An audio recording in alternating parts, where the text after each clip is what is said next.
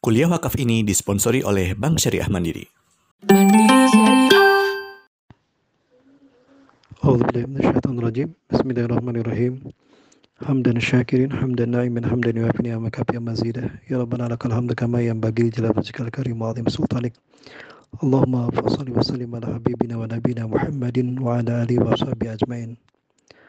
Qala Allah Ta'ala fi kitabil karim bi qawlihi yahtadil muhtadun أعوذ بالله السميع العليم من الشيطان الرجيم من همزه ونفخه ونفثه يا أيها الذين آمنوا اتقوا الله حق تقاته ولا تموتن إلا وأنتم مسلمون وقال تعالى في آية الأخرى وتزودوا فإن خير الزاد التقوى واتقون يا أولي الألباب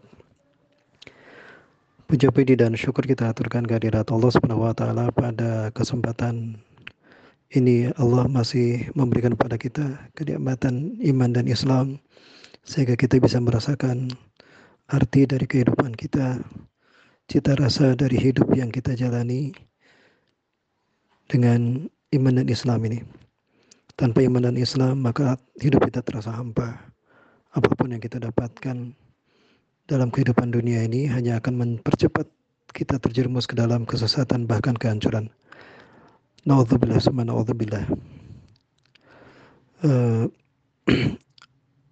Salawat dan salam semua tercurah dan terlimpah selalu kepada uswah dan kedua kita Rasulullah Muhammad wasallam yang telah mewariskan kepada kita apa pun yang kita butuhkan untuk kita dekat dengan Allah Subhanahu wa taala bahkan masuk ke dalam surganya dan juga untuk membuat kita terhindar dari nerakanya Allah Subhanahu wa taala.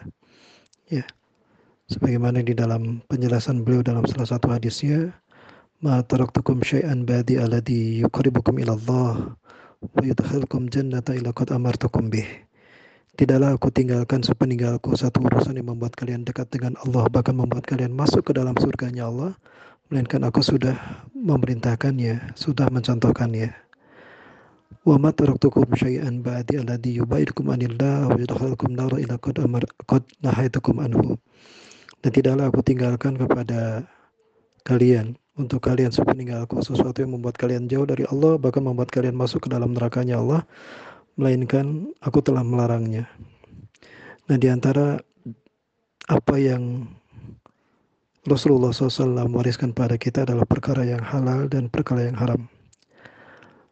Insya Allah inilah yang akan kita bahas pada kesempatan kali ini uh, bersama Majelis Talim Wakaf Salman.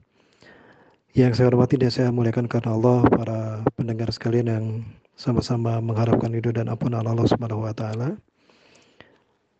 Rasulullah SAW pernah menegaskan dalam salah satu hadisnya yang diriwayatkan oleh Imam Bukhari dan Muslim dari sahabat Abu Abdullah Nu'man bin Bashir Sesungguhnya yang halal itu jelas dan yang haram itu jelas. Di antara keduanya terdapat perkara-perkara yang subhat, samar-samar yang tidak diketahui oleh orang banyak. Maka siapa yang menjaga diri dari perkara subhat berarti dia telah menyelamatkan agama dan kehormatannya. Dan siapa yang terjerumus dalam perkara yang subhat maka akan terjerumus ke dalam perkara yang diharamkan Allah. Seperti pengembala yang mengembalakan hewan gembalaannya di sekitar ladang yang dilarang untuk memasukinya, maka lambat laun dia akan memasukinya. Ketahuilah, kata Rasulullah, bahwa setiap raja memiliki larangan, dan Allah pun memilikinya. Dan larangan Allah adalah apa yang diharamkannya. Ya, Al-Hadis Al-Kamakal. Ketahuilah bahwa dalam diri ini terdapat segumpal daging. Jika ia baik, maka baiklah seluruh tubuh ini. Dan jika dia buruk, maka buruklah seluruh tubuh ini. Ketahuilah dia adalah hati. Nah berdasarkan nasihat Rasulullah SAW ini bahwa Rasulullah telah meninggalkan risalah Islam yang membuat kita jelas mana yang halal, mana yang haram. Ya, nah maka ketika kita mengikuti sesuatu yang Allah halalkan, serta menjaga diri dari perkara yang subhat, pada dasarnya kita telah menyelamatkan risalah Rasulullah dan menjaga kehormatan agama ini. Ya, namun manakala kita selalu mendekati perbuatan-perbuatan yang cenderung subhat, ya, tertarik dengan perkara itu, maka pada saat itu kita terjerumus ke dalam perkara yang Allah haramkan. Padahal yang Allah haramkan ini adalah sesuatu yang menjadi larangan dari Allah Subhanahu wa taala. Nah, kemudian juga Rasulullah menjelaskan berdasarkan hal yang tadi, yang hadis yang tadi Rasul sampaikan bahwa uh, halal haram ini akan mempengaruhi kondisi hati kita. Maka jika kita mengkonsumsi hal-hal yang halal atau sesuatu makanan yang halal, minuman yang halal yang kita masukkan ke dalam tubuh kita, maka dia akan membuat hati kita sehat. Nah, maka ketika hati kita sehat, organ tubuh yang lain pun akan ikut sehat. karena hati ini ibarat raja bagi seluruh tubuh kita. Namun sebaliknya jika kita banyak mengkonsumsi sesuatu yang haram, ya termasuk yang syubhat, maka dia cenderung akan membuat hati kita menjadi sakit dan ketika hati menjadi sakit mata maka ini akan menjadi penyebab sakitnya organ tubuh kita yang lain. Para malah yang dirahmati Allah Subhanahu wa taala, oleh karena itu Allah Subhanahu wa taala uh, berfirman di dalam Al-Qur'an surat Al-Baqarah ayat 168. Ini bukan hanya untuk orang-orang beriman tapi untuk semua umat manusia. Ya agar diperhatikan tentang makanan kita hal dan juga minuman kita atau apa pun yang kita konsumsi tentang halal dan thayyibnya. Ya. Di dalam ayat tersebut Allah Subhanahu wa taala berfirman, "A'udzubillahi minasyaitonirrajim." Ya ayuhan nasu kulu mimma fil ardi halalan thayyiba wa la tattabi'u khutuwati syaitan innahu lakum aduwwum mubin. Hai orang-orang mohon maaf, wahai manusia, makanlah oleh kalian apa-apa yang ada di muka bumi yang halal lagi baik, halalan thayyiban. Wala tatabi'u khutuwati syaitan dan janganlah kamu mengikuti jejak, jejak langkah syaitan innahu lakum aduwwum mubin. Sesungguhnya setan itu adalah musuh yang nyata bagi kamu.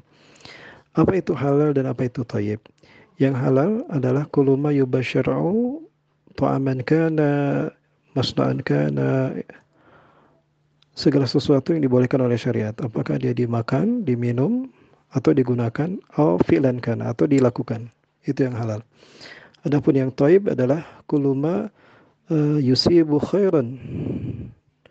Yusibu khairan ba'da, ba'da segala sesuatu yang menimbulkan kebaikan sesudahnya itu taib ya nah sesuatu yang halal kalau terkait dengan makanan dan minuman sesuatu yang halal itu belum tentu taib tetapi yang taib itu sudah pasti halal maksudnya sebagai contohnya begini Uh, hewan kurban yang dipotong dengan mengikuti sunnah Rasulullah SAW itu tentunya halal karena sesuai dengan sunnah. Dipotong sesuai dengan sunnah di hari raya Idul Adha